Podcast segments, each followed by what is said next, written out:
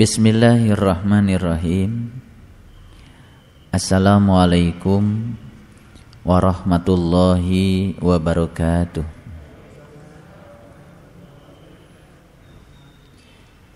Alhamdulillahilladzi arsala rasulahu bil huda wa dinil haq liyudhhirahu 'ala dini kulli walau karihal musyrikun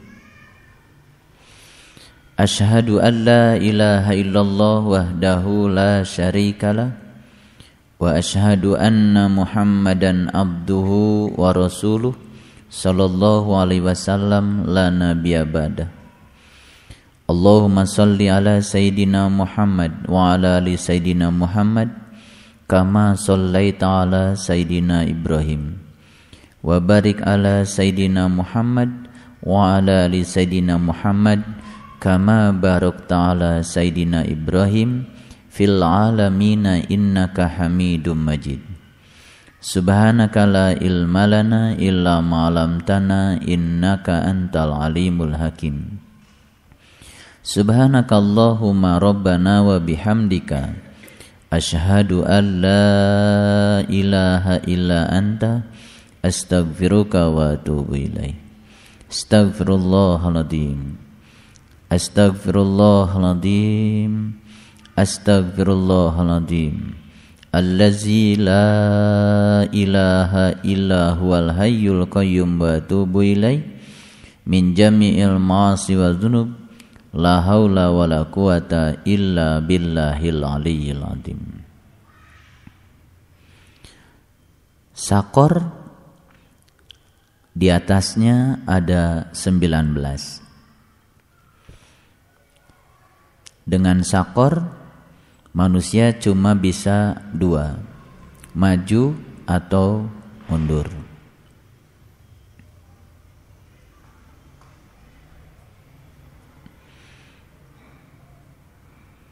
Bersyukurlah mereka yang bisa selalu maju, walaupun tidak banyak kemajuannya, tapi hari-harinya selalu menjadi lebih baik, terutama keyakinannya kepada Allah Subhanahu wa taala.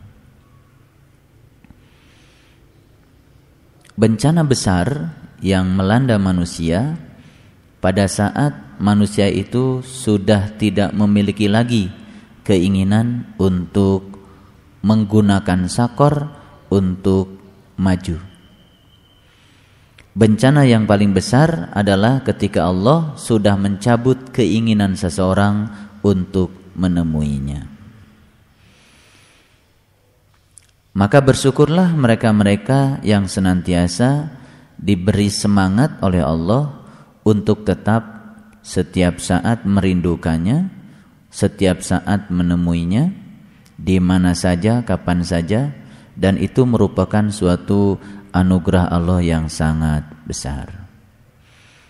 Itu sebabnya Mari kita syukuri kenikmatan yang semacam itu karena ternyata itulah kenikmatan yang paling besar. Dicabut kenikmatan itu itu adalah bencana yang paling besar. Ternyata menurut Quran bencana yang paling besar bukanlah hancurnya semesta ini, tapi bencana yang paling besar adalah manakala seseorang tidak diberi lagi keinginan oleh Allah untuk menemuinya. Mari kita syukuri kenikmatan Allah yang luar biasa yang setiap saat kita diberi semangat untuk tetap untuk tetap berada di jalannya. Setiap saat kita diberi semangat untuk selalu menemuinya. Kita puji Allah bersama-sama membaca hamdalah. Alhamdulillahirabbil alamin. Salawat dan salam mari kita sanjungkan karibaan baginda Rasulullah Sallallahu alaihi wasallam seraya bersalawat padanya. Allahumma salli ala Sayyidina Muhammad wa ala ali Sayyidina Muhammad. Mari kita awali kajian kita di pagi yang penuh berkah di pagi yang cerah. Semoga suasana batin kita secerah matahari yang menyinari semesta di pagi hari ini. Kita sapa asma Allah dengan kelembutan dan cinta. seraya membaca basmalah. Bismillahirrahmanirrahim. Allah dalam Asmaul Husna tidak dihitung. Hitungan Asmaul Husna 99 dimulai dengan Ar-Rahman, Ar-Rahim sampai As-Sobur. Allah itu kalau dalam tasbih ibarat rosario-nya, batasnya, yang tidak dihitung. Tetapi ketika kita mengetahui hakikat di balik Allah, di balik sebutan Allah, di balik tulisan Allah, maka 99 yang dihitung itu dalam waktu sekejap kita akan bisa mengetahui, memahami dan merasakannya. Itulah belajar Asmaul Husna yang paling cepat, yang paling singkat.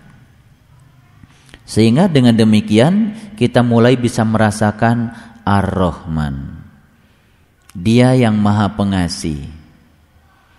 Yang kasihnya tidak pernah dibatasi. Kemudian kita pun menjadi orang-orang yang pengasih. Setelah itu datang anugerah yang kedua. Ternyata pengasih itu merupakan syarat awal untuk bisa merasakan dia yang maha penyayang.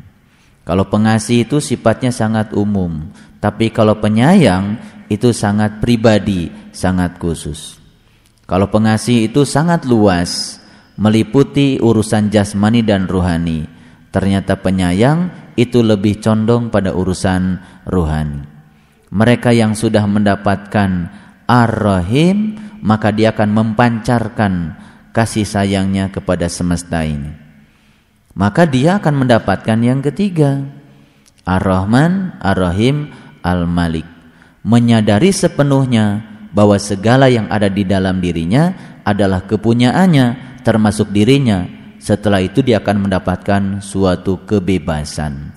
Tidak ada perasaan takut kehilangan apa pun karena dia menyadari sepenuhnya bahwa ada yang namanya Al-Malik begitu dia menyadari Al-Malik dalam waktu yang singkat dia akan merasakan Al-Qudus, suci bersih batinnya, tidak ada rasa-rasa yang lain, rasa takut, rasa khawatir menjadi hilang.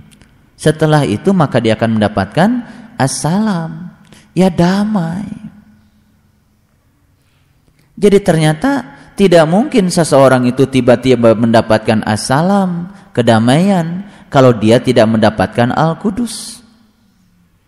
Tidak mungkin seseorang mendapatkan Al-Qudus kalau dia belum merasakan hakikat dari Al-Malik.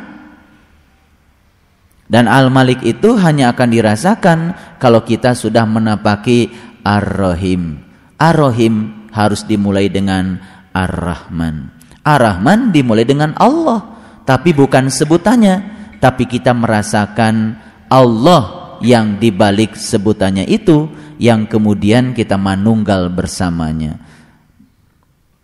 Kalau kita sudah mendapatkan assalam, damai, dengan kedamaian itu apa pun yang kita kerjakan pasti akan membuahkan nilai. Betul? Iya. Assalam. Kemudian al-mu'min.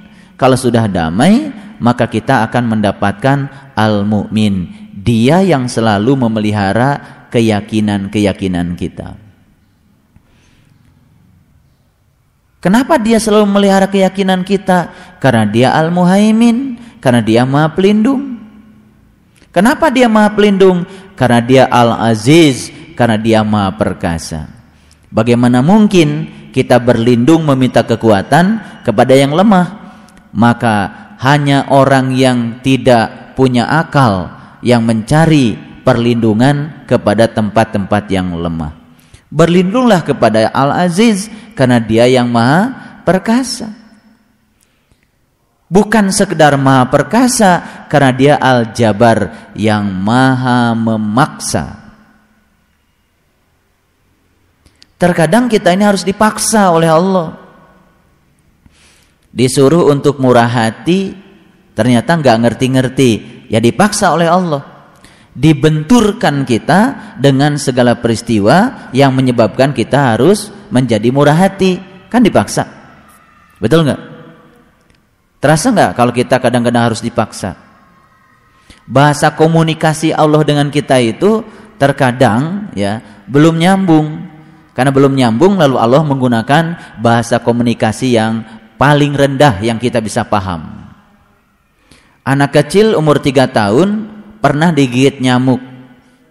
Lalu bentol-bentol badannya. Pengalaman digigit nyamuk itu itu akan terasa pada dirinya sehingga kata digigit menjadi sesuatu yang menakutkan. Suatu saat ini anak mendekati saklar listrik. Orang tuanya khawatir anaknya kesetrum. Lalu orang tuanya bilang apa? Orang tuanya bilang, awas nak, nanti kesetrum. Gak ngerti. Ya orang tuanya juga gak ngerti setrum itu kayak apa. Cuman orang tuanya pernah kesetrum, kan begitu. Lalu anak pakai bahasa hati-hati nak, nanti kesetrum Enggak ngerti. Malah timbul kebingungan pada diri anak karena dia pernah digigit nyamuk yang paling gampang hati-hati nak nanti itu saklarnya gigit kamu hmm.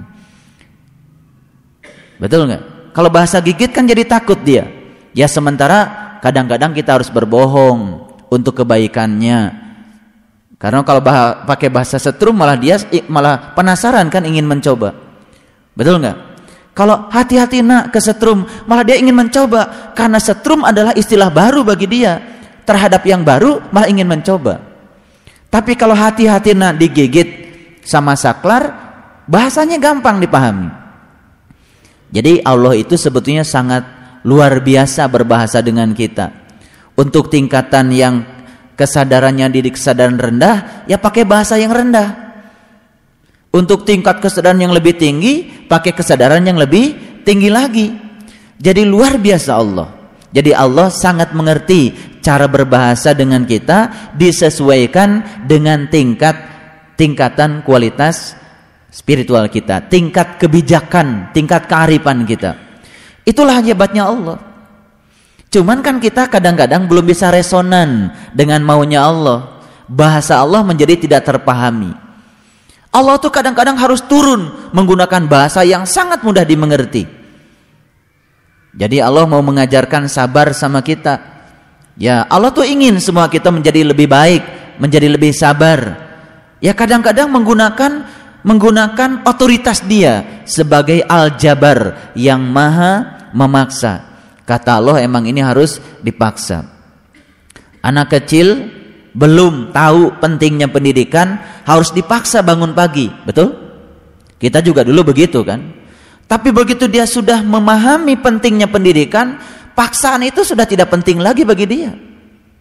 Yang lucu adalah kalau kita sejak kecil sampai setua ini masih tetap harus dipaksa. Bangun malam dipaksa, duha dipaksa, tahajud dipaksa, sabar dipaksa, ya terpaksa Allah harus menggunakan bahasa dia, bahasa Al-Jabar yang maha pemaksa. Ya, semoga kita sudah tidak lagi harus dipaksa. Karena di dalam diri kita sudah ada Ar-Rahman, Ar-Rahim, Al-Malik, Al-Qudus, As-Salam, Al-Mu'min, Al-Muhaimin, Al-Aziz. Kalau Al-Aziznya Allah sudah diserap oleh kita, kita menjadi perkasa. Ya, Seseorang yang perkasa itu seseorang yang tidak harus memamerkan keperkasaannya. Kalau orang masih senang memamerkan keperkasaannya, itu tanda dia tidak perkasa. Orang yang perkasa itu diam. Senyum, bijak, tidak memaksa, itu perkasa. Nah Allah itu sedemikian perkasanya sampai Allah tuh diam. Kenwe kayak kesorangan, itu kan. Tapi semesta ini terus mengolah kita lewat kun fayakun. Kun itu kun dengan kun kan dipertemukan dengan fa. Kun fayakun. Jadi kunnya Allah itu ternyata melewati suatu proses karena fa di situ adalah proses. Maka semua diproses. Jadi sebetulnya setiap hari sekarang ini kita sedang diproses untuk menjadi lebih baik Cuman kita nggak ngerti kalau kita sedang diproses menjadi lebih baik. Karena kadang-kadang prosesnya selalu mungkin tidak menyenangkan kita. Ketika prosesnya untuk melaksanakan kun yang pertama, kun fayakun, supaya kun dengan kunnya ketemu, Fa-nya itu tidak selalu yang kita ingin. Ketika kita mendapatkan yang kita ingin, kita tidak mau menceburkan diri di situ. Akibatnya kun cuman satu aja pada kita. Kun yang kedua nggak ketemu dengan kun yang pertama. Akibatnya kita tidak pernah maju-maju. Mundur terus. Ya. Nah, oleh karena itu pada kesempatan yang penuh berkah ini ya, kita akan melihat bagaimana cara Allah memaksa kita untuk menjadi lebih baik. Ya. Harus seperti itu memang. Karena terkadang kita ini masih kekanak-kanakan. Yang namanya harus dipaksa itu karena masih kekanak-kanakan. Jadi kalau orang sudah tua sholatnya masih harus dipaksa, itu udah jelas itu. Tidak pantas disebut orang tua sebetulnya. Ya, tidak pantas. Harusnya kan sudah dengan kesadaran sendiri. Baik, kita akan coba melihat lebih dalam lagi Quran surat An-Naba. Tempo hari kita sampai ayat yang ke-20. Betul? Ayat yang ke-20. Di ayat yang ke-20 Allah mengatakan wasuyiratil jibalu fakanat saraba dan dijadikanlah gunung-gunung dijalankanlah gunung-gunung maka menjadi fata morganalah ia. Ketika gunung sedang diperjalankan oleh Allah ya kan? Pada saat itu segala sesuatu yang di semesta ini menjadi fata morgana. Bahkan kita ingat punya gunung saja tidak. Itu namanya gunungnya sedang menjadi fata fata morgana kullu sayin halikun illa wajhahu segala sesuatu menjadi hilang musnah kecuali wajahnya maka ketika kesadaran itu kita capai, semua yang ada di semesta ini menjadi fata morgana. Kesenangan semesta kata fata morgana. Betul? Penderitaan di semesta ini juga penderitaan yang fata morgana. Kita selalu mengkaitkan yang namanya musibah besar selalu saja dengan apa yang terjadi dalam kehidupan kita. Banjir musibah besar, tsunami musibah besar, Kemudian longsor musibah besar. Itu yang selalu kita sebut musibah besar. Tidak ada satu ayat pun di Quran yang menyatakan musibah besar adalah kejadian yang terjadi di alam makroskopis. Musibah yang paling besar adalah manakala menimpa alam mikro ini. Makanya bencana yang paling besar kata Quran adalah ketika seseorang sudah diberi jalan menuju Allah, kemudian dia tidak menggunakan jalan itu. Itu bencana yang sangat besar. Berapa banyak sahabat-sahabat kita yang bisa melihat kalau dia hari ini kehilangan semangat untuk menemui Allah adalah bencana besar. Berapa banyak? Mungkin dianggap biasa-biasa saja. Baru terasa itu bencana besar nanti pada saatnya. Oleh karena itu, kita akan lihat lebih dalam lagi. Di ayat yang ke-21 Allah mengatakan Inna jahannama kanat mirsada Sesungguhnya jahanam itu selalu menjadi tempat yang mengintai. Jahanam kan selalu dikaitkan dengan neraka, betul? Selalu dikaitkan dengan neraka. Dan itu selalu mengintai siapa pun, termasuk kita. Ya, terkadang kita pun sering tercebur kan ke lembah kehinaan, ke lembah kegelisahan, betul? Kesadaran-kesadaran yang yang rendah itu sebenarnya jahanam. Ya, litogina ma'aba lagi menjadi tempat kembali bagi orang-orang yang melampaui batas. Saya ingin kasih tahu siapa sesungguhnya orang yang melampaui batas. Siapa? Dia itu jabatannya RT, Harusnya dia melaksanakan tugas-tugas KRT-an saja.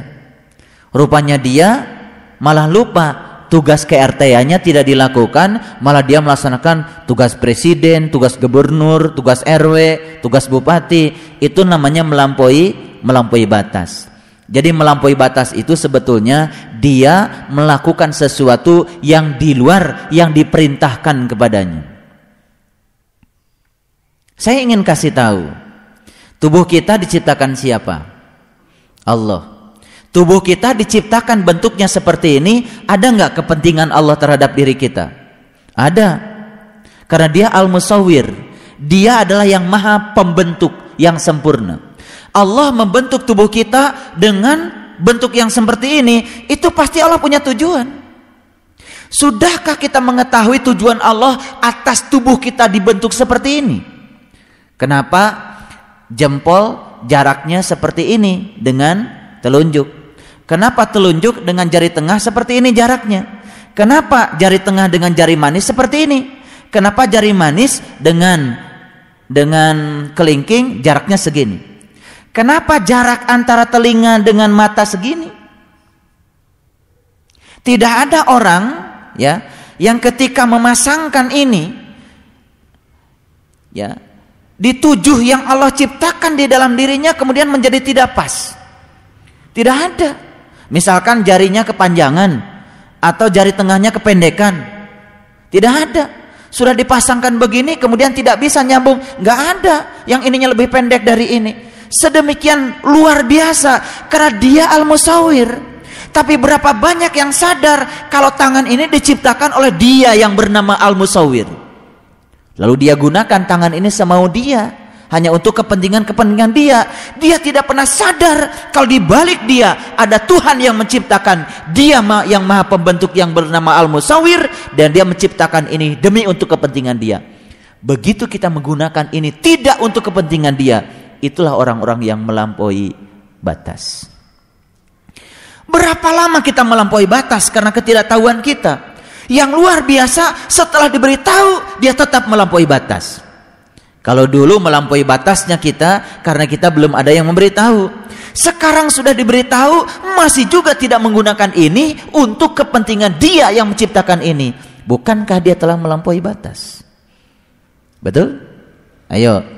Supaya kita tidak melampaui batas, maka kita harus belajar, belajar meniti ke dalam diri, menemukan atas dasar keinginan apa Tuhan ciptakan kita atas dasar tujuan apa Tuhan ciptakan kita sehingga kita hidup sesuai dengan yang diciptakan oleh Tuhan.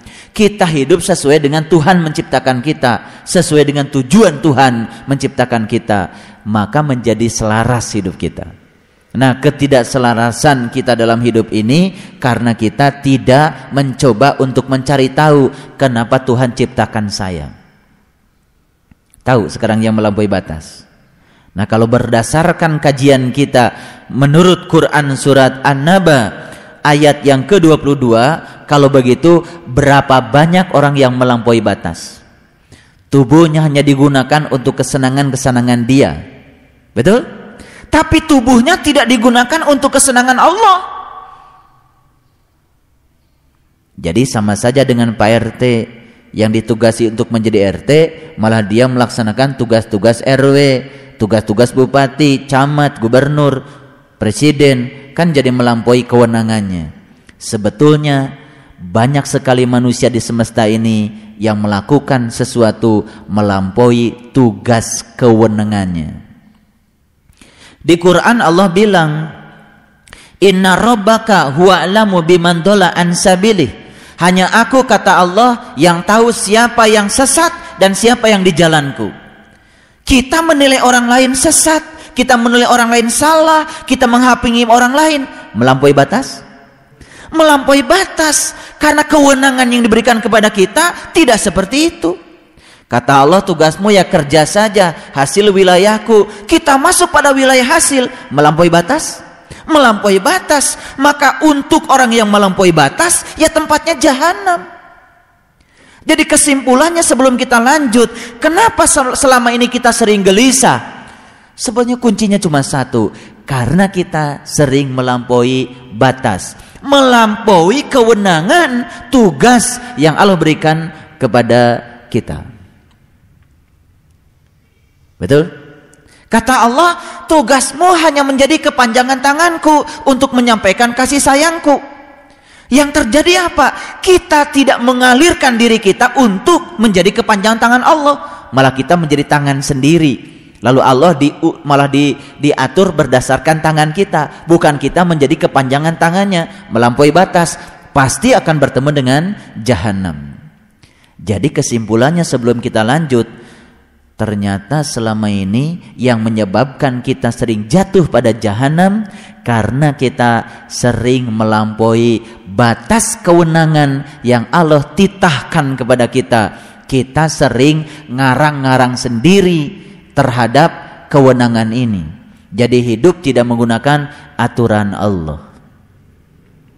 Bisa dipahami? Kalau bisa dipahami kita lanjutkan. Makanya Allah katakan di dalam ayat selanjutnya mereka tinggal di dalamnya berabad-abad lamanya. Proses daur ulang kehidupan sekalipun terjadi pada dia bukan meningkatkan kualitas kehidupan dia. Karena dia diberikan tempat yang lebih rendah dari tempat yang sebelumnya. Dia didaur ulang dalam kehidupannya, tapi tempat yang berikutnya yang dia dapat, tempat yang lebih rendah, tempat yang lebih rendah lagi. Karena awalnya dia melampaui batas. Hari ini kita tidak bisa menggunakan tubuh kita sesuai dengan yang Allah mau. Kita mati hari ini, kita tidak bisa kembali kepada Allah, mungkin saja diberi tubuh yang baru di kemudian hari, tapi tubuh yang berikutnya yang menyebabkan kita akan terus-menerus berada di jahanam berabad-abad lamanya. Ini ayat Quran. Mereka tinggal di dalamnya, nya itu mengacu pada jahanam tadi, berabad-abad lamanya. Mereka tidak merasakan kesejukan di dalamnya dan tidak pula minuman, melainkan air mendidih dan nanah. Nanah itu kan sesuatu yang menjijikan, betul? Nanah itu kan virus. Nanah itu penyakit. Kalau penyakit yang menjijikan, ke mana pun dia pergi, yang dia tebar adalah penyakit. Penyakit kebencian, penyakit kedengkian, penyakit iri hati, ya, penyakit, penyakit kemarahan. Ke mana pun dia pergi, tidak pernah menciptakan kedamaian. Yang dia tebar adalah penyakit. Yang dia tebar adalah air mendidih dan nanah. Air mendidih kan kalau kena orang bahaya, bisa mengelupaskan kulitnya. Kalau orang terkena air mendidih, bukan sekedar terkelupas. Berikutnya dia akan merasakan sakit yang luar biasa.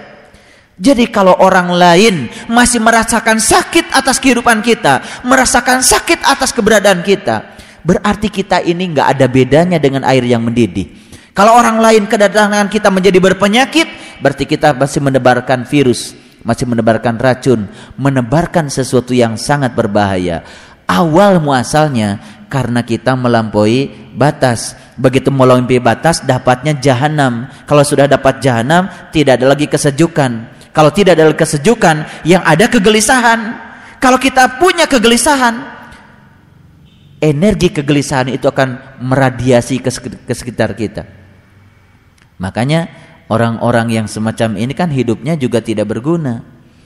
Makanya saya bilang tadi, semoga kita mewakili Ar-Rahman, Ar-Rahim, Al-Malik, Al-Qudus, As-Salam, Al-Mu'min, Al-Muhaimin, Al-Aziz, ya kan? Dan seterusnya. Subhanallah. Jadi ternyata nilai kehidupan kita sangat kelihatan hari ini. Karena kita bisa melihat siapa diri kita yang sesungguhnya. Tidak usah nanti karena kita bisa melihatnya hari ini. Makanya bersyukurlah orang-orang yang tidak bisa diam. Karena diam bagi dia adalah suatu siksaan. Dia kerjakan sekecil apa pun yang dia bisa kerjakan. Apalagi yang dia kerjakan membuat orang lain merasa nyaman dengan yang dia kerjakan. Sekecil apa pun. Walaupun hanya membereskan sendal barangkali di masjid dia kerjakan sesuatu yang kecil, tapi ketika orang lain keluar dari masjid, dia merasa dimudahkan untuk mengambil sandalnya. Itu saja sudah sangat luar biasa, memberi kedamaian. Jadi karakter pribadi seseorang itu sebenarnya sangat kelihatan. Tingkat kualitas keimanan seseorang itu sangat kelihatan dari apa yang dia lakukan. Mari kita lihat di ayat berikutnya, jazaan wifaqo sebagai balasan yang setimpal. Jadi sebetulnya ya semesta ini adil ya. Semesta ini tidak mungkin melampaui batas. Semesta ini hanya akan membalas terhadap apa yang kita lakukan. Tidak mungkin semesta ini melakukan pembalasan di luar yang kita lakukan. Karena semesta ini hanya akan melakukan sesuatu untuk melakukan suatu proses keseimbangan saja. Nah, kita lanjutkan. Innahum kanu layar juna hisaba. Sesungguhnya mereka tidak takut kepada hisab. Kita kalau dengar kata hisab, kan biasanya pikiran kita langsung menerawang Oh nanti ketika dunia ini sudah dihancurkan Kemudian semua dibangkitkan dari kuburan Kan gitu Diantrikan di timbangan Di posyandu Kemudian setelah itu ditimbang satu-satu. Kan itu hisab katanya kita. Dan setelah itu manusia cuma terbagi dua. Yang masuk surga Yang masuk neraka. Terus yang kembali kepada Allah berapa? nggak ada yang kembali kepada Allah. Semuanya surga atau neraka. Kan itu. Pikiran kita kan seperti itu. Itu kan siloka sebetulnya. Cerita tentang kiamat yang selama ini diyakini oleh kita itu siloka dihancurkan dulu semestanya baru dibangkitkan dari kuburannya. Betul nggak? Setelah itu manusia akan kembali kepada Allah. Itu siloka dihancurkan dulu ya buminya. Setelah dihancurkan buminya dibangkitkan ruhaniahnya dari kuburannya. Setelah hancur semesta itu namanya bangkit ruhnya. Bangkitnya ruh bahasa Qur'annya kiamat makanya kiamat selalu diidentikan dengan hancurnya semesta. Iya emang. Nabi Musa hancur dulu baru kiamat. Nabi Muhammad hancur dulu baru kiamat. Kita juga harus hancur dulu baru kiamat. Buminya diratakan dulu betul nggak? Gunung-gunungnya dihancurkan dulu seperti anai-anai. Setelah hancur semuanya tidak merasa ada lagi kita baru bangkit yang di dalam diri kita bangkitlah sang ruhani dari kuburan jasmani ini. Itu. Lalu kata-kata hisab yang paling tepat itu adanya di Quran surat Al-Isra ayat yang ke-14 Allah mengatakan ikra kitabaka kafa binafsika al yauma alaika hasiba. Bacalah kitabmu cukuplah itu sebagai juru hisabmu. Jadi hisab itu kapan hisab itu saat kita sedang membaca kitab sejati kita kita sedang melihat diri kita yang sebenarnya kita sedang melihat apa yang kita lakukan kita sedang melihat ya akibat-akibat dari apa yang kita lakukan. Kapan itu terjadi? Saat kita sedang melihat kitab sejati kita ke dalam. Maka perintahnya di Quran, Iqra kitabaka, bacalah kitabmu kafa binafsika al yauma alaika hasiba. Itulah hari hisabmu. Kalau begitu hari hisab kapan terjadi? Ya saat kita sedang membaca kitab amal kita. Kata email kita dibacanya kapan? Ya sekarang. Kapan saja kita bisa, kapan saja kita mau. Sekarang kita mau membacanya, sekarang kita bisa membacanya. Semua jelas kelihatan. Apa yang kita lakukan, dampak yang kita lakukan, semuanya bisa kita lihat. Itulah yaumul hisab.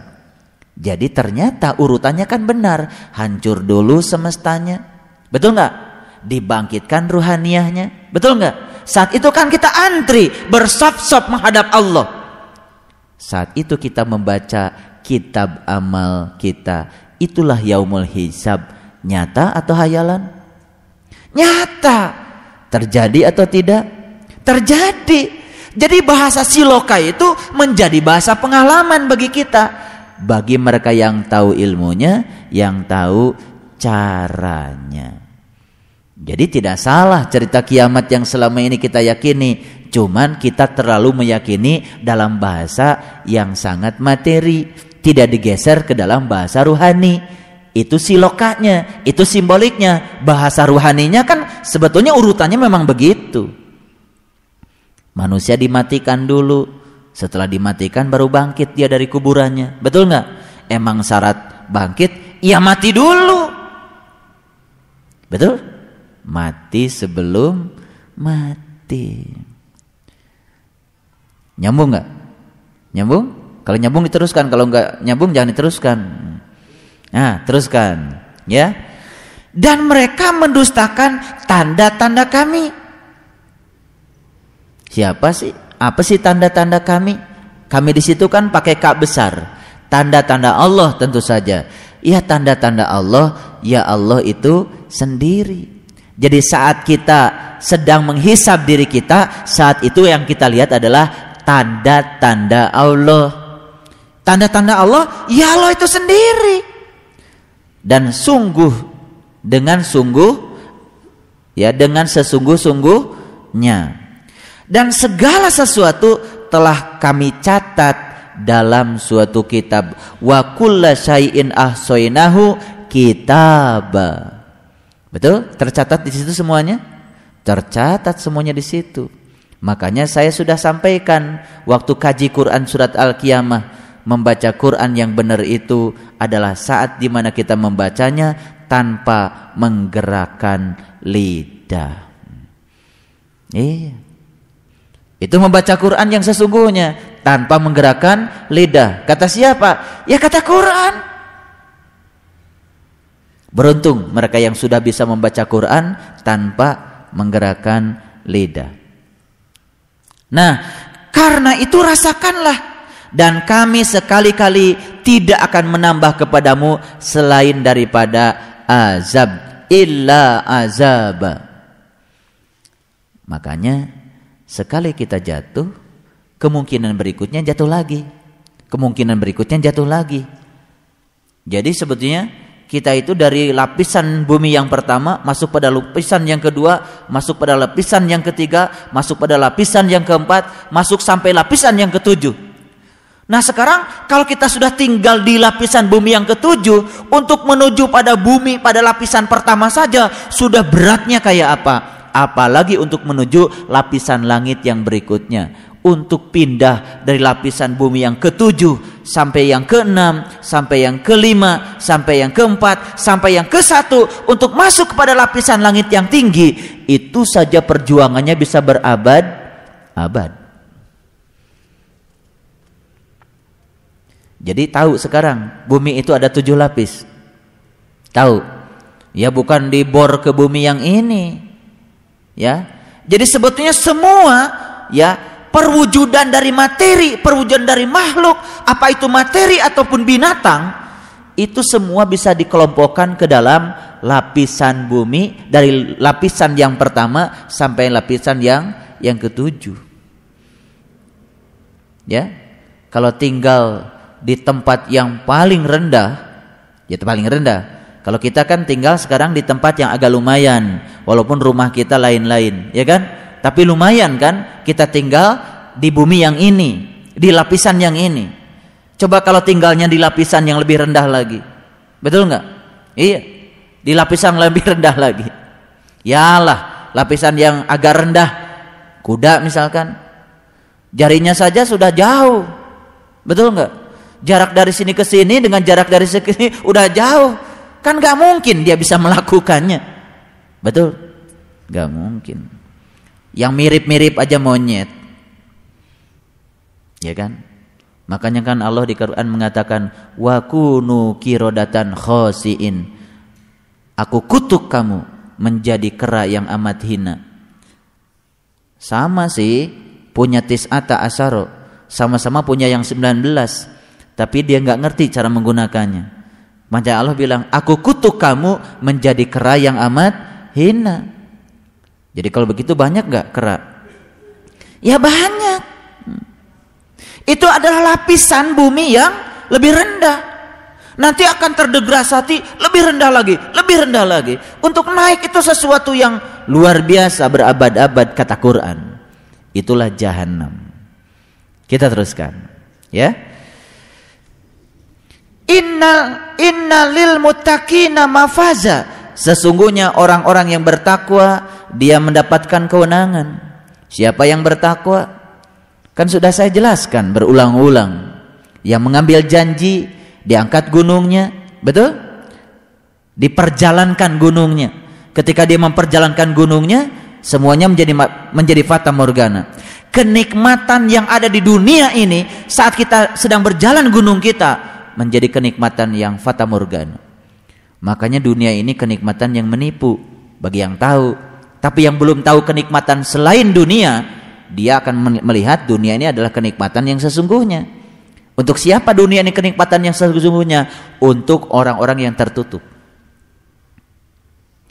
Untuk orang-orang yang terbuka yang sudah merasakan kenikmatan di luar itu, dunia ini fata morgana kenikmatannya. Tapi bagi orang yang tertutup, dunia ini kenikmatannya nyata, senyata nyatanya.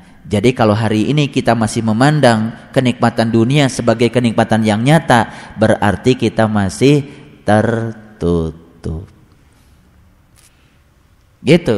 Jadi kita bisa lihat ya dari cara dia memandang dunia, tertutup atau tidak tertutup. Teruskan yang berikutnya. Sesungguhnya orang-orang yang bertakwa mendapatkan kemenangan. Inna lil mutaqina mafaza. Ya. Kemudian yaitu kebun-kebun dan buah-buah anggur. Dan gadis-gadis remaja yang sebaya dan gelas-gelas yang penuh yang berisi di dalamnya. Di dalamnya mereka tidak mendengarkan perkataan yang sia-sia dan tidak dusta. Mohon maaf kalau hari ini kita masih sering bicara dan perkataan kita itu adalah perkataan yang sia-sia, apalagi perkataan dusta, itu tandanya kan kita masih tinggal di jahanam. Yang sudah tinggal di luar jahanam, yang sudah masuk surga, dia itu lebih banyak diam sekiranya tidak ada manfaatnya. Mungkin setelah belajar ilmu ini kita merasakan untuk ngomong ini rasanya males gitu. Kalau tidak ada manfaatnya. Untuk bicara ini rasanya males sekiranya tidak ada faedahnya. Memang kata Quran seperti itu. Orang-orang yang sudah tinggal di puncak kesadaran untuk berkata yang sia-sia apalagi dusta sesuatu yang tidak mungkin bagi dia. Karena apa? La yasmauna fiha lagwa wala kizaba. Yang keluar dari mulutnya illa kila salaman salama kecuali ucapan yang damai dan mendamaikan. Kira-kira berdasarkan ayat ini, kita tinggal di mana sekarang? Tinggal di mana? Eh, jangan-jangan masih tinggal di tempat yang airnya mendidih, yang masih banyak nanah, kalau yang masih banyak nanah, yang keluar ya nanah juga. Yang keluar kan kata-kata yang penuh fitnah, menghujat, tidak menenteramkan, menyakiti. Itu gambarannya sudah cukup jelas di kehidupan ini. Ngapain? Ya, kita cari-cari nanti. Jelas kelihatan sekarang kok. Nampak jelas. Kapan? Sekarang. Kita selama ini beragama menghayal aja. Entar, entar, Ya, nanti itu mulut kita akan ditutup rapat. Semua anggota tubuh kita akan bicara. Bukan nanti, sekarang pun sudah bicara. Kita sangat tahu apa yang kita lakukan. Kita menyaksikan terhadap apa yang kita lakukan saat ini. Teruskan. Ya. Jazaa'am mirabbika itaat ya, ya. Ita'an hisaba sebagai balasan dari Tuhanmu ya dan sebagai hisab hisab yang sesungguhnya. Rabbis samawati wal ar wa ma bainahuma. Ar-Rahman la yamlikuna minhu hitaba Tuhan yang memelihara langit dan bumi dan apa yang ada di antara keduanya yang maha pemurah mereka tidak dapat berbicara dengan dia. Jadi dengan dia sudah tidak perlu berbicara lagi, tapi mengerti apa yang dia mau. Itulah orang-orang yang sudah sampai di sana. Lihat ayat berikutnya. Yauma yakumur ruh wal malaikatu saffa la yatakallamuna illa man adzina lahur rahman wa qala sawaba. Pada hari itu yakumur ruh wal malaika para ketika itu ruh dan para malaikat bersof-sof. Kita akan masuk nanti lanjutan dari ayat ini. Ruh dan malaikat bersof-sof. Jadi ruh ini kan didorongnya oleh malaikat. Ruh ini akan naik atau turun tergantung malaikat yang dorong. Nanti malaikat yang akan dorongnya. Begitu ada malak, ada malaikat, ada yang mendorong, naik itu ruhnya. Makanya mau maju atau mundur terserah yang mendorongnya. Yang mendorong apa? Malak, malaikat. Kita, malaikat itu yang mendorong ruh itu, ya, ke tempat-tempat yang tinggi. Nanti kita akan masuk ke situ. Ini pengantarnya. Kecuali mereka tidak berkata-kata kecuali ya illa man azinalahu rahman wa qala sawaba kecuali orang yang sudah diberi izin bicara maka perkataannya menjadi nancap berfaedah makanya izin bicara itu tidak diberikan kepada orang yang sembarang kalau orang ngomong perkara ruh tapi pakai ilmu kirata tidak mengalaminya, dia belum dapat izin bicara.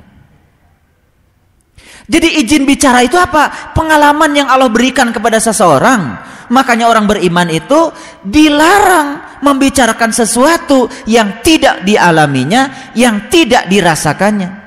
Kaburo maktan indallahi antakuluna malataf'alun. Murka Allah akan menimpa dirinya ketika dia membicarakan sesuatu yang dia tidak mengalaminya, tidak merasakannya. Itu sebabnya tidak semua orang diberi izin bicara. Maka Allah mengatakan man azinallahu rahman wa qala sawaba. Barang siapa yang diberi izin bicara oleh Allah, maka kata-katanya pasti akan menghunjam. Kita kan sering mendengar orang berbicara, tapi kata-katanya ngambang. Kata-katanya bingung, ya. Kata-katanya tidak ada energinya, tidak menghunjam. Itu artinya dia belum diberi izin bicara. Kapan izin bicara akan diberikan Allah pada dia? Kalau dia sudah diberi pengalaman oleh Allah untuk mengalami yang dia bicarakan, itu namanya izin bicara. Kalau dalam bahasa keilmuan ma'rifatullah, seorang murid itu kan disuruh bicara harus ada izin dari gurunya. Itu. Tidak bisa sembarang tiba-tiba misalkan semua memberikan doa gitu, rame-rame. Dalam keilmuan ma'rifatullah itu kan ada yang disebut dengan silsilah. Ada izin bicaranya. Izin bicara itu dari Allah yang disampaikan lewat guru-gurunya. Makanya kalau orang tidak dapat izin bicara, dia ngomong akan terjadi perdebatan. Apalagi ketika dia ngomongnya itu belum yang dia alami. Sesuatu yang diomongkan yang bukan dia alami hanya akan mengeraskan hatinya. Makanya banyak orang keras kepala karena apa? Dia merasa banyak ilmu, keilmuannya itu yang mengeraskan dirinya. Tapi kalau orang yang mengalami pengalaman spiritual tidak semakin keras, semakin lembut. Sekarang kalau kepala diadu dengan kepala, masing-masing sama kerasnya, kan saling menyakiti. Sama seperti batu dengan batu dikarungi, kan saling menyakiti. Coba batu dengan batu dikarungi, kan saling menendang, saling menyakiti, saling memukul. Betul nggak? Tapi kalau air digabung dengan air, saling mengisi. Yang lembut ketemu yang lembut, saling mengisi. Yang bijaksana ketemu yang bijaksana saling mengisi. Yang bijaksana ketemu yang bijaksana saling mencerahkan. Yang bijaksana ketemu yang tidak bijaksana tidak memaksa. Jadi kalau kita masih sering memaksakan pendapat kita kepada orang yang tidak tahu, yang tidak bijaksana kita. Lah orang tidak tahu dipaksa. Yang tidak tahu biarkan saja, ntar juga tahu di abad yang mana. Yang nggak tahu berabad-abad lagi dia untuk menjadi tahu. Sekarang dia sedang tidak mau tahu. Nanti di abad mana jadi yang tahu. Makanya jadilah air. Kalau air ketemu air kan saling mengisi. Betul nggak? Saling meresap air kopi gabungkan dengan air susu saling mengisi setelah itu nyampur jadilah susu kopi betul nggak Iya. Kalau sudah jadi susu kopi, ya rasanya kan udah nyampur, saling meresap. Ya karena yang lembut ketemu yang lembut. Coba batu ketemu batu, tetap aja yang ini batu, yang ini batu. Betul nggak? Ini malah menendang batu yang lain, pecah batu yang lain. Itu cirinya batu. Makanya kalau orang tidak dapat izin bicara ngomong ngantuk. Khotib bicara di mimbar. Ya, saking asiknya dia dengan dirinya sendiri, bangga dengan keilmuannya. Yang ilmu yang disampaikannya sebetulnya tidak nyambung dengan yang dengerin. Yang dengerin kan tidur. Itu nggak dapat izin bicara. Ya. Kalau yang dapat izin bicara itu pasti akan menghunjam. Waqala sawaba kata-katanya pasti menghunjam. Orang yang diajak bicara cuma bilang, "Oh iya. Oh iya." Ya walaupun oh iyanya agak lama tapi tetap oh iya. Oh iya iya iya. Ah, agak lama tapi iya juga. Itu masih lumayan itu. Waqala sawaba. Ada langsung iya, ada langsung oh, oh-nya lama dulu baru Orang lain udah ketawa, baru ya ketawanya nanti setelah bubaran pengajian. Itu lumayan masih ikut ketawa kan? Hmm. Masih nyambung. Hmm. Ya. Bisa diteruskan? Nah, ini yang akan kita bicarakan. Itu sebabnya sekarang tugas kita adalah mendorong ruh itu dengan malak yang ada pada diri kita agar ruh ini mencapai alam-alam yang tinggi. Kalau sudah mencapai alam yang tinggi, dia dapat dapat izin bicara di alamnya sendiri. Jadi Allah itu luar biasa ya. Sangat luar biasa. Allah sangat mengerti. Makanya kenapa setiap pengajian saya memulai dengan subhanaka la ilmalana illa ma alamtana innaka antal alimul hakim. Maha suci engkau ya Allah, sungguh aku tidak mengerti apa yang dibutuhkan masing-masing orang di tempat ini. Tapi engkau yang meliputi segala sesuatu. Engkau al-latif, engkau yang khobir. Engkau meliputi seluruh manusia yang ada di sini. Karena engkau meliputi semuanya, pasti engkau maha tahu atas semua kebutuhan orang-orang yang di sini. Sehingga yang dibicarakan pasti nyambung. Oh, ternyata itu saya banget, nyambung kan? Gitu. Oh, itu ternyata gue banget, nyambung kan? Gitu.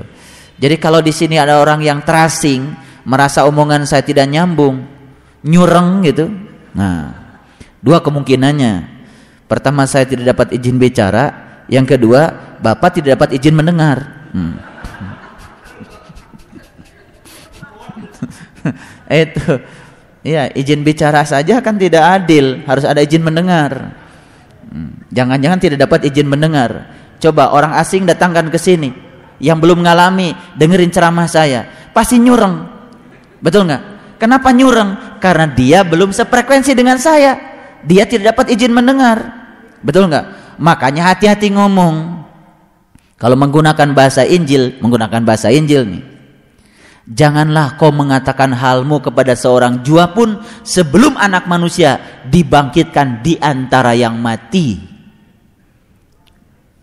Jadi janganlah kau mengatakan halmu kepada seorang jua pun sebelum anak manusia dibangkitkan dari antara yang mati. Kalau sudah sama-sama dibangkitkan, nyambung. Izin bicaranya dapat, izin mendengarnya dapat, ya. Ada yang ngantuk nggak? Nah, hmm. Ngantuk itu izin mendengarnya sedang dicabut itu.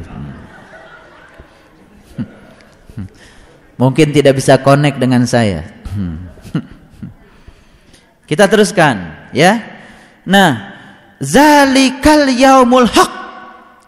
Itulah hari yang pasti terjadi. Pasti itu. Makanya Allah jamin di Quran surat Al-Ankabut, "Man kana yarju Allah fa inna ajalallahu la'aj." Barang siapa yang berharap jumpa dengan Allah, pasti saatnya akan tiba.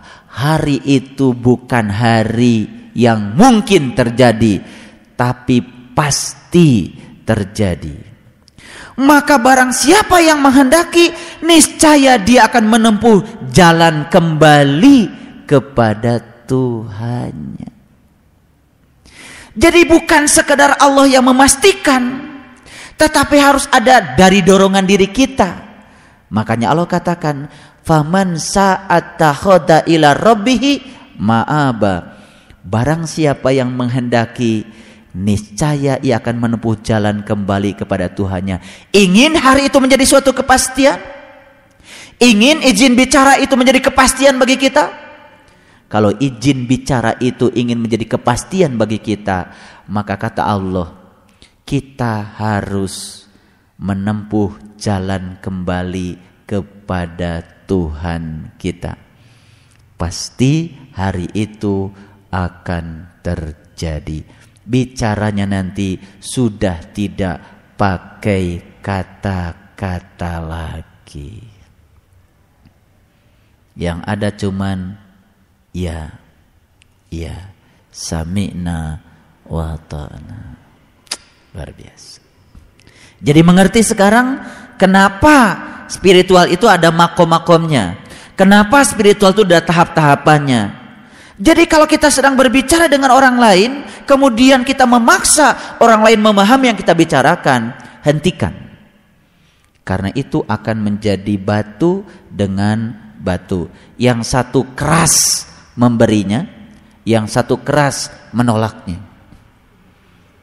Sama-sama keras diadu tuh batu dengan batu. Makanya suatu kezoliman menyampaikan ilmu kepada mereka yang tidak membutuhkannya. Suatu kezaliman menahan ilmu dari mereka yang membutuhkannya. Ini yang disebut dengan izin bicara. Pak, kemarin saya ngasih pencerahan, terus malah ngajak berdebat. Tuh, nggak dapat izin bicara, ngasih pencerahan. Ya, apa sih yang kamu sampaikan? Quran surat ini, Quran surat lah ayat itu belum terjadi pada dirimu udah disampaikan. Ya debat. Sekarang kita paham perdebatan agama, perbedaan pendapat itu muncul karena masing-masing belum dikasih izin bicara. Kenapa tidak dikasih izin bicara? Karena malaikatnya belum mendolong ruhnya ke alam-alam yang tinggi. Makanya kita dorong dulu ruh itu dengan malaikat, dengan malak yang ada di diri kita untuk masuk ke alam-alam yang tinggi. Di alam itu kita dapat izin bicara. Pak, saya lagi nyuci saja dengerin ceramah di sini-sini Bapak rasanya nyambung. Gak apa-apa, mau lagi nyuci lagi apa, nyambung kalau sudah dapat izin mendengar. Hmm. Ada, saya beli CD punya Bapak pusing Pak. Lah, eh ya, belum belum sama frekuensinya, pusing kan? Ujungnya apa? Menghujat dengan dengan tingkatan pikiran dia. Aku nyalah nyalain orang, wah sudah tambah keras hatinya, semakin menjadi batu. Nanti ketemu batu lagi, sudah berantem, pakai golok, pakai apa? Agama jadi sumber kekerasan. Subhanallah. Harusnya kan agama menjadi sumber kebijaksanaan, sumber kelembutan. Kita teruskan, ya. Inna anzarnakum adaban qariba sesungguhnya kami telah memperingatkan kepadamu ya siksa yang sangat dekat yauma yang zurul mar'uma qazzamat yadahu wa yaqulul kafirin ya laitani kuntu turaba pada hari manusia melihat apa yang diperbuat oleh kedua tangannya dan orang-orang yang tertutup berkata, alangkah baiknya sekiranya aku dahulu adalah tanah saja. Tidak usah diproses menjadi air mani. Tidak usah dikirimkan ke dalam rahim menjadi tubuh ini. Lebih baik jadi tanah saja. Bermanfaat jadi tanah lumayan ditanami menghasilkan sesuatu daripada jadi manusia yang hanya menebarkan air mendidih dan nanah. Itu sebabnya Allah katakan, "Laqad khalaqnal insan fi ahsani taqwim." Aku telah bentuk kamu dalam bentuk yang sangat tinggi, yang sangat agung. Summa rodadnahu asfala safilin. Dan kemudian dia akan memiliki derajat yang jauh lebih rendah dari asalnya. Asalnya dia dari tanah, dibentuk menjadi sempurna. Ketika dia tidak menggunakan kesempurnaannya, maka dia akan dikembalikan lebih rendah dari tanah. Makanya orang yang tertutup berteriak kepada Allah, kalau tahu begini, udah aja gue dulu jadi tanah saja, manfaat. Paling tidak kan ada orang bikin saung di situ, betul nggak? Paling tidak ya ada toge di situ jatuh tumbuh, betul? Paling tidak ada biji kacang panjang jatuh di situ, tumbuhlah dua atau tidak daun kacang panjang lumayan jadi lalap sambal, betul nggak? Memberi manfaat terang kieu mah tuh mending jadi tanah we kapungkur teh. Ini tanah yang sudah diproses. Betul? Ini tanah semua yang sudah diproses. Diserap oleh akar mineralnya. Kemudian tumbuh menjadi daun tumbuh menjadi buah.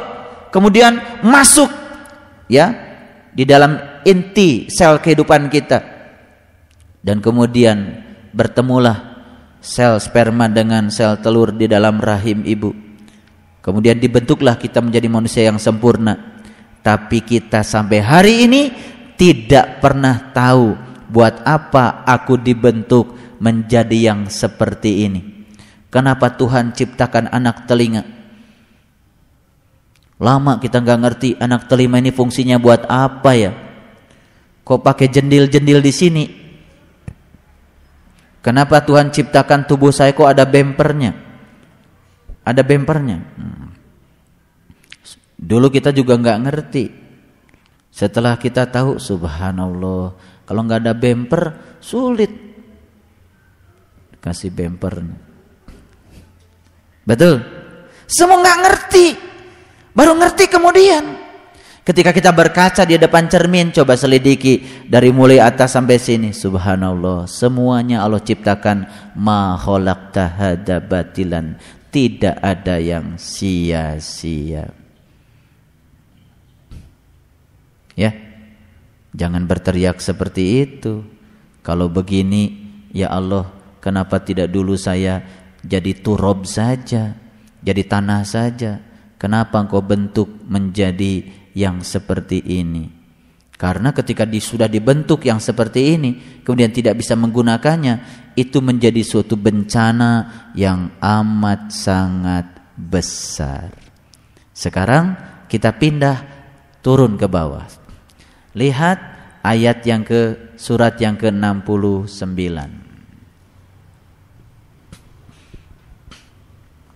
Sudah. Surat Al-Haqqah.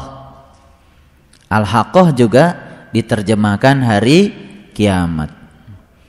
Jadi episode yang sekarang ini kita lebih banyak bicara untuk memperkokoh keilmuan kita. Memperkokoh keilmuan kita supaya tidak ada keraguan lagi. Sudah ketemu? Subhanallah. Ya, al-haqqah itu hari hari kiamat. Saya tidak akan membahasnya sebagaimana urutannya al-haqqah. Sekarang lihat ayat yang keempat ke-13. Al-Haqqah ayat yang ke-13. Sudah? Nah, sebelum saya membahas itu, saya lupa. Lihat dulu Al-Ma'arij. Al-Ma'arij. Al-Ma'arij surat yang ke-70 di atasnya Al-Haqqah. Ya. Kita masih di sekitar ini, di sekitar ini. Al-Ma'rij apa artinya? Tempat naik. Sudah tahu tempat naik? Ya itu. Kalau tidak ketemu dengan seorang penunjuk jalan, cari tempat naik bingung. Malah cari taraje. Hmm. Di kampung ada orang sedang manjat pohon kelapa. Sebetulnya dia sih mau ngambil kelapa. Ketahuan sama orang yang punya pohon kelapa. Eh, kamu ngapain itu pakai naik-naik? Emang apa pak ini? Itu pohon kelapa punya saya. Eh, dikira ini jalan ke langit pak. Hmm. Barangkali dia anggap pohon kelapa al-ma'arij. Tempat naik. Tempat naik yang selama ini kita tahu kan taraje. Betul nggak? Subhanallah, ternyata tempat naik itu ada di dalam diri kita. Subhanallah. Baik, kita lihat ya. seseorang peminta telah meminta kedatangan sesuatu yang bakal terjadi. Ya. Untuk orang-orang kafir yang tidak seorang pun dapat menolaknya. Minallah dil ma'arij dari Allah yang mempunyai tempat-tempat yang naik. Jadi sebetulnya sebetulnya ya di ayat yang keempatnya kita lihat di sini kita melihat kuncinya. Ta'rujul malaikatu waruh ilaihi fi yaumin kana miqdaru khamsina alfasana. Mohon maaf di situ ada Jibril enggak? Ada Jibril? Enggak ada. Di situ cuma dikatakan ta'rujul malaikatu naiklah malaikat waruhu dan ruh ilaihi menghadap Tuhannya fi yaumin kana miqdar miqdaruhu khamsina alfasana yang kadarnya satu hari di sana sama dengan 50 ribu tahun jadi kalau mau naik harus di tempat naik betul tadi kan dikatakan di Quran surat apa tadi? Anaba di bagian yang ujung, ya kan? Jadi agar kita itu ya bisa mendapatkan suatu pengalaman yang sesungguhnya, maka di situ dikatakan malaikat dan ruh itu harus naik. Malaikat harus mendorong ruh untuk naik sampai di puncak kesadarannya. Di situ dia mengalami suatu pengalaman. Lalu setelah pengalaman itu dia dapat man azinallahu rahman wa qala sawaba di situ dia dapat izin bicara jadi kalau ingin dapat izin bicara ternyata harus naik di tempat yang tempat naik ya dengan cara apa naiknya mendorong ruh dengan malak yang ada di dalam diri kita untuk mencapai ilaihi untuk mencapai Tuhan yang kadar pencapaiannya satu hari di sana sama dengan 50 ribu tahun di sini. Subhanallah. Makanya beruntung yang sudah bisa naik ya. Ngerti sekarang? Sudah tahu tempat naik? Ya, itulah tempat naik. Jadi kalau kita ingin naik harus di tempat naik. Berapa banyak orang yang kalau ditanya ingin naik nggak keimananmu? Jawabnya pasti ingin. Betul nggak? Nah terus kemudian ditanya lagi, gimana caranya? Ya di tempat naik. Di situlah kita akan mendapatkan keyakinan. Di situ kita akan mendapatkan tasdikun bil qalbi. Betul? Keyakinan-keyakinan kita selama ini bertambah terus karena kita sering naik di tempat naik. Orang yang tidak pernah naik di tempat naik tidak pernah akan bisa naik. Tuh, makanya Allah bilang di Quran, sesungguhnya aku telah memberikan keterbukaan kepadamu, yaitu keterbukaan yang nyata. Maka aku akan tambah iman yang ada padamu dengan iman-iman tambahan dariku. Nah, cara Allah menambahkan keimanan dengan memperkokoh pengalaman kita ketika kita sedang naik. Nyambung nggak? Ayo, mau dari ayat mana kita bicara? Baca Al-Ma'arij nyambung, baca An-Naba nyambung, baca Al-Qiyamah nyambung, baca Al-Muzammil nyambung, baca Al-Mudasir nyambung. Luar biasa. Subhanallah. Ya. Nah, maka di ayat berikutnya fasbir sobron jamila maka bersabarlah kamu dengan sabar yang indah. Jadi ternyata naik itu perlu kesabaran. Awalnya perlu pemaksaan. Betul? Jadi ya Al-Jabar memaksa kita dulu. Berikutnya setelah Al-Jabar memaksa kita, apa yang dipaksakan oleh Al-Jabar yang maha memaksa, lama-kelamaan setelah merasakan gak perlu dipaksa lagi. Karena sudah tumbuh pada diri kita yang namanya kesabaran, sabar yang indah. Baik, sampai situ aja dulu. Itunya apa? Al Al-Ma'rijnya. Sekarang kita lihat Al-Haqqah tadi, ya. Kita mulai dari ayat yang ke-13.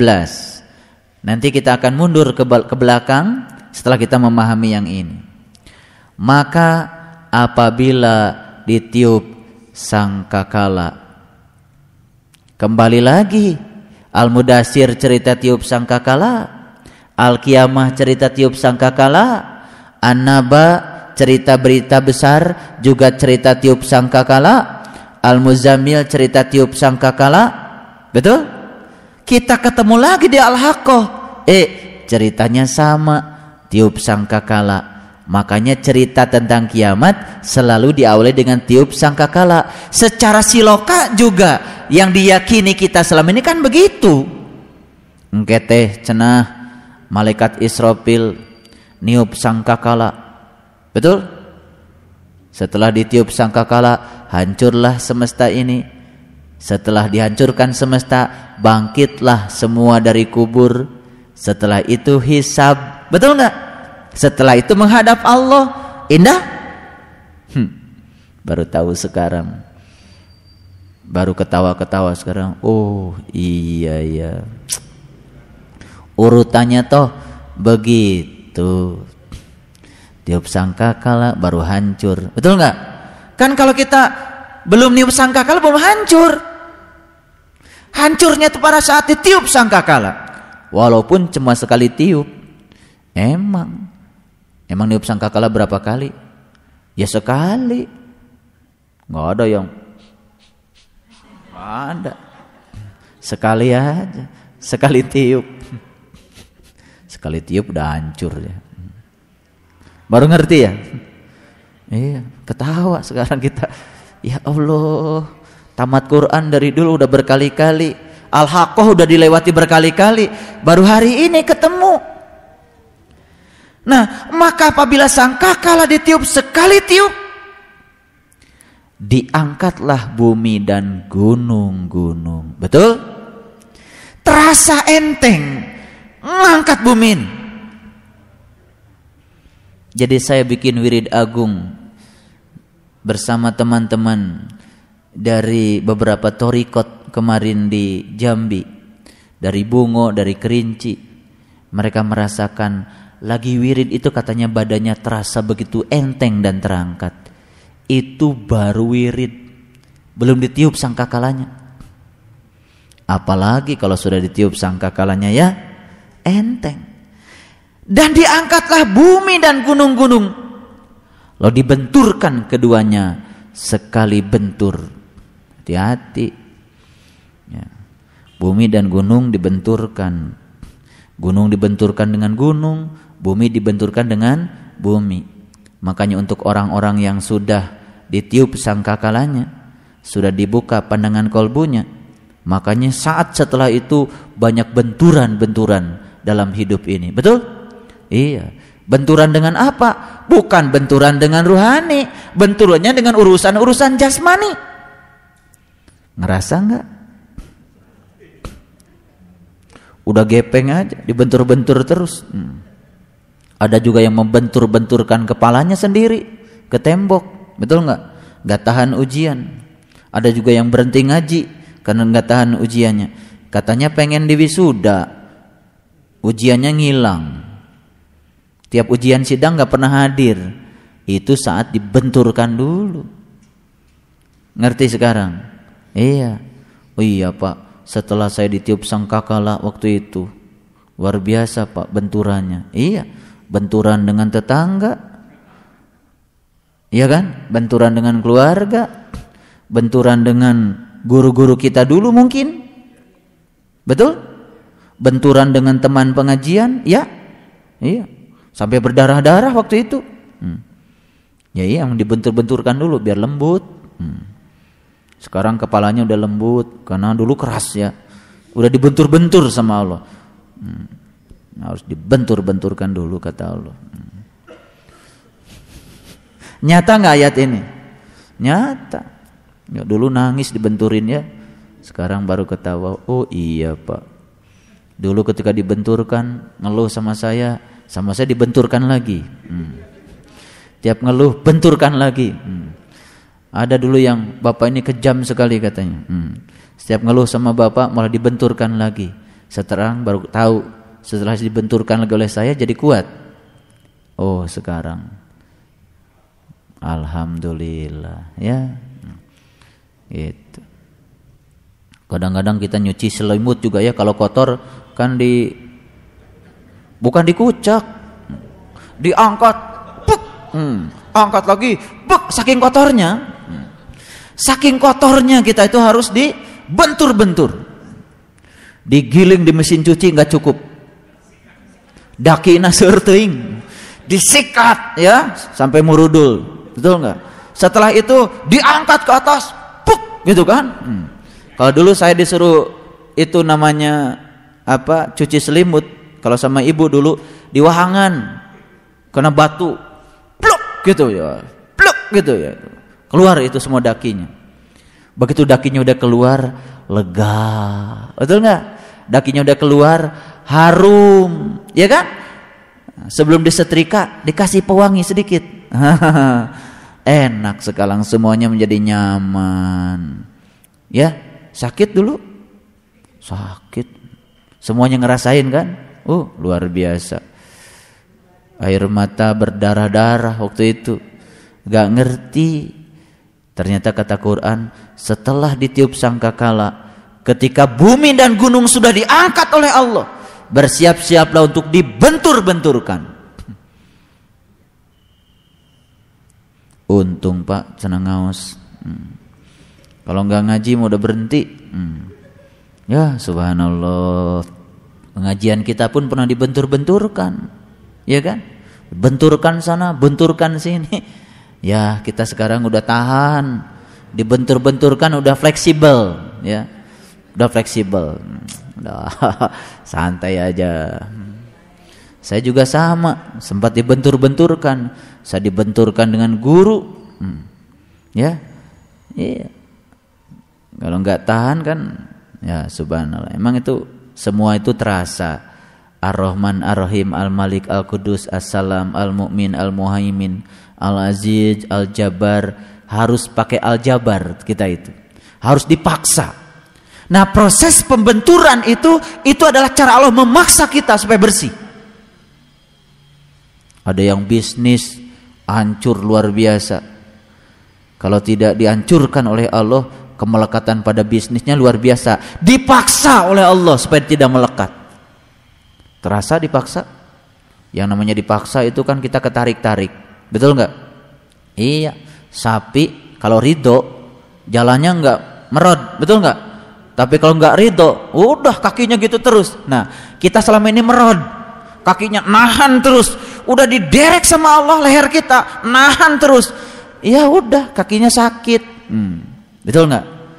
Coba jangan merod. Jadi kita selama ini merod, tahu merod ya? nahan kakinya itu coba sapi kalau dipaksa merod ya. uh setekar kebek akibatnya apa patah kakinya jadi kenapa kita selama ini sakit pak merod hmm. iya padahal Allah itu sebetulnya ingin kita tambah suci ingin kita tambah bijak ingin kita tambah lembut betul nggak itu itu kalau dalam bahasa fisika itu yang disebut dengan kelembaman. Inersia. Inert dalam bahasa Inggris kecenderungan kita ingin tetap di tempat itu. Iya. Kita tidak siap berpisah dengan anak-anak inersia. Kita tidak siap melepaskan jabatan inersia. Kita tidak siap melepaskan orang-orang yang kita cintai inersia. Kita inginnya semuanya abadi hayang panjang umur terus hayang sehat terus hayang benghar terus kapan kita belajar sabar kalau semua yang kita ingini selalu saja terjadi. Belajar sabar justru terjadi pada saat kita menerima yang tidak kita ingin dalam hidup. Ngan kitanya suka merod.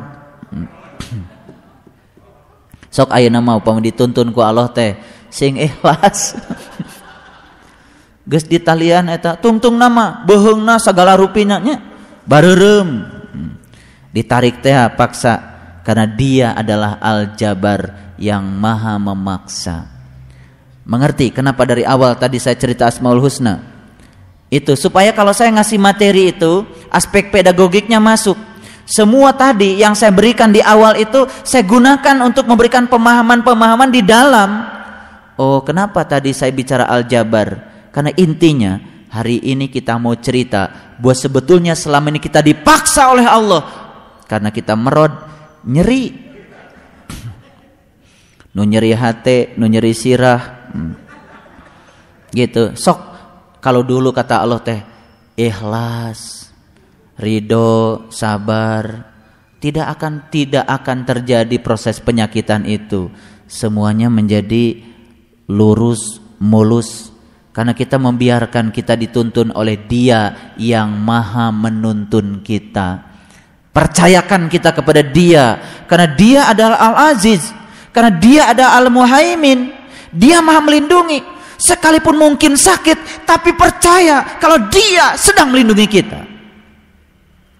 Dia tidak mau kita kembali bukan pada dia. Dia ingin agar kita kembali padanya saja. Kita ingin kita kembali padanya saja. Lalu dibelokkan ke sini, dibelokkan ke sini karena sudah terlalu jauh jalan kita. Dolalam ba'id Sesatnya kita dulu sudah sesat yang sejauh-jauhnya. Makanya ketika dibelokkan capek. Ibarat ini jalan, di sini ada ada ada apa? Ada cabang. Harusnya kita tuh ke kiri. Kita sudah terlalu jauh. Ditarik dulu untuk ke sini supaya jalan lurus. Cuman kita nggak sadar. Karena kita ini sering sok tahu karena kita ini sering jadi Tuhan. Ketika dipaksa oleh Tuhan untuk kembali ke jalannya, kita nggak mau. Jadi sakit. Coba kata Allah, lemeskan badanmu. Ikuti aku saja. Bahasa ayanda guru kan mengalir bersama Allah seperti air yang mengalir. Ikuti saja aliran takdirnya, aliran keinginannya. Jangan memaksa dia Semuanya akan mulus-mulus saja. Kita akan mengerti suatu saat ternyata semua karena dia adalah Al-Muhaimin, karena dia adalah Sang Maha Pelindung. Subhanallah. Ngawas Asmaul Husna mah tiba heula. Hmm. Iya. Baru tahu Al-Jabar pagi ini bukan? Ya nggak apa-apa. Pagi ini juga baru tahu. Lumayan Umur sudah berapa? Hmm. 78. Baru tahu aljabar ayeuna. Ari apal Asmaul Husna mah tiba heula. Enggak apa-apa, segitu juga husnul khotimah. Hmm. Husnul khotimah daripada tidak kan? Iya. Kata orang Padang talambe hmm. terlambat. Hmm. Tapi kan terlambat lebih baik katanya daripada tidak sama sekali untuk orang yang terlambat. Hmm. Ya hiburannya orang kan begitu, membela diri. Ya. Membela diri daripada tidak kan itu. Memang peribahasa itu kadang-kadang begitu ya. Ada hiburannya. Ya untuk orang yang terlambat kan lumayan dah hiburan. Hmm. Menghibur diri sendiri. Sahadeui nu rek ngahibur kalau bukan diri sendiri. Subhanallah. Ya. Mau diteruskan? Setelah dibentur-benturkan, dibentur-benturkan gunung dengan gunung, bumi dengan bumi, guni, bumi dengan gunung, dibentur-benturkan dengan segala kehidupan, terjadilah dalam diri kita kemuakan terhadap dunia. Lahirlah pernyataan Ibnu Atto, beruntunglah ketika kamu sedang dibuat muak kepada dunia. Karena Tuhan sedang membuka jalan untuk kita lari kepadanya. Kemuakan pada dunia karena Tuhan sedang membuka jalan agar kita lari kepadanya. Daripada kita terus asik dengan dunia sedangkan Tuhan sedang menghentikan jalan kita kepadanya. Oh, baru ngerti. Ternyata saya muak dengan ini, muak dengan itu. Sudah cari yang namanya uang, udah banyak pun tetap menggelisahkan kita. Akhirnya suatu saat muak karena selesai dibentur-benturkan. Kalau nggak dibenturkan, kapan kita muaknya? Ada orang yang menipu kita, ada orang membohongi kita. Ternyata dunia ini kotor, muak. Hmm. Datanglah Al-Hikam, bersyukurlah kamu yang telah dibuat muak oleh Tuhan ke dalam dunia ini. Karena Tuhan sedang mengulurkan tangannya kepada kita untuk menarik kita kepadanya. Indah? Indah. Ah, sekarang nggak boleh ya berburuk sangka lagi pada kehidupan. Semuanya indah. Maka setelah dibentur-benturkan, setelah muak, baca ayat berikutnya. Fayauma idin waqa'atil. Maka pada hari itu setelah muak, setelah capek, lelah, ini tiisuk, wih sore, setelah bertahun-tahun jadi keledai, yang dikejar oleh singa yang liar, capek juga akhirnya. Betul? Gus piknik kadi itu piknik kadi beak tah nurek di piknikan deui. Bali entos 10 kali, ka mana deui? Hawaii entos. Hmm. Las Vegas geus ngasaan. Hmm. Mana deui ujung perjalanan semua manusia adalah diam, hening dan kembali kepada Allah. Ayo, benar nggak ayat ini? Betul. Masa Allah cerita yang nggak betul? Cuman selama ini kan kita nggak ngerti aja ayatnya. Subhanallah. Maka namanya juga al-haqqah. Al-haqqah sebenarnya adalah kebenaran. Hak. Hmm. Ikuti aja di sini katanya Allah aku hari kiamat. Betul. Untuk mencapai kebenaran emang harus kiamat. Tapi al-haqqah sebenarnya adalah kebenaran.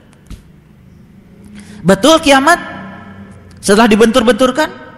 Jadi kalau baru tawajuh, dibenturkan, lulus, nggak akan lanjut kiamatnya. Makanya yang dipilih oleh Allah untuk sampai di sini sedikit. Makanya kata Allah, sullatum minal awalin wa qalilu minal akhirin. Awal nama seur rame. Tungtung namangan saeutik.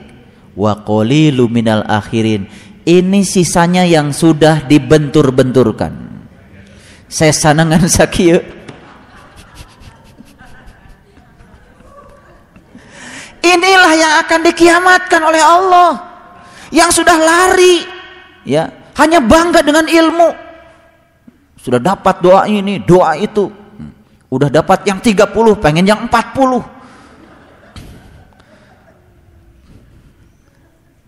Jadi koleksi, terus membanding-bandingkan. Ibu tos tos tos kenging, uh abi makamari. Hmm. Ibu yang ini kayak keledai, lari lagi kejar. Hmm. Abi tacan bapak, hmm. cari lagi, mengejar terus apa yang dia dapat? Gak dapat apa-apa. Cuman jadi debt collector aja.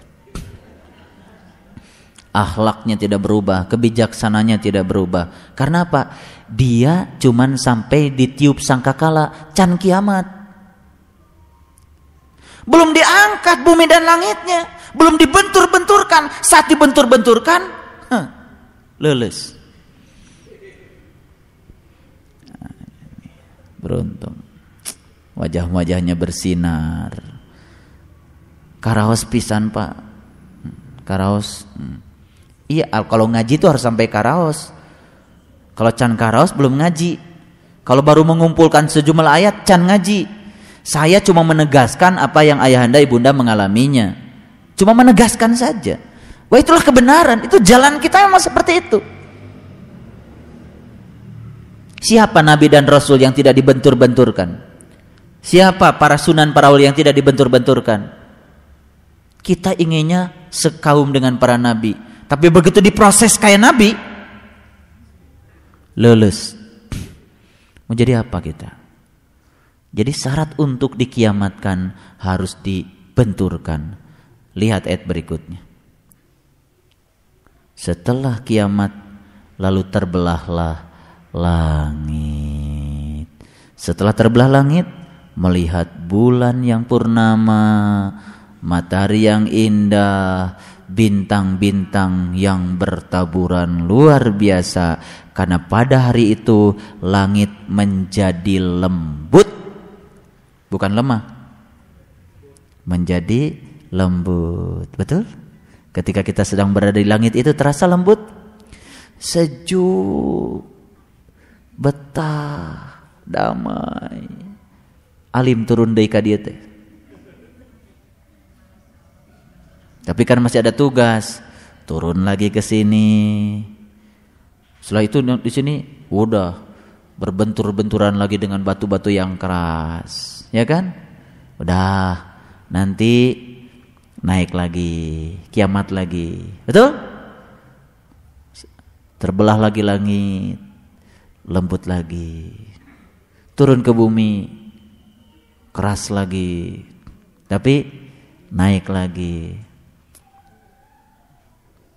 Karaos.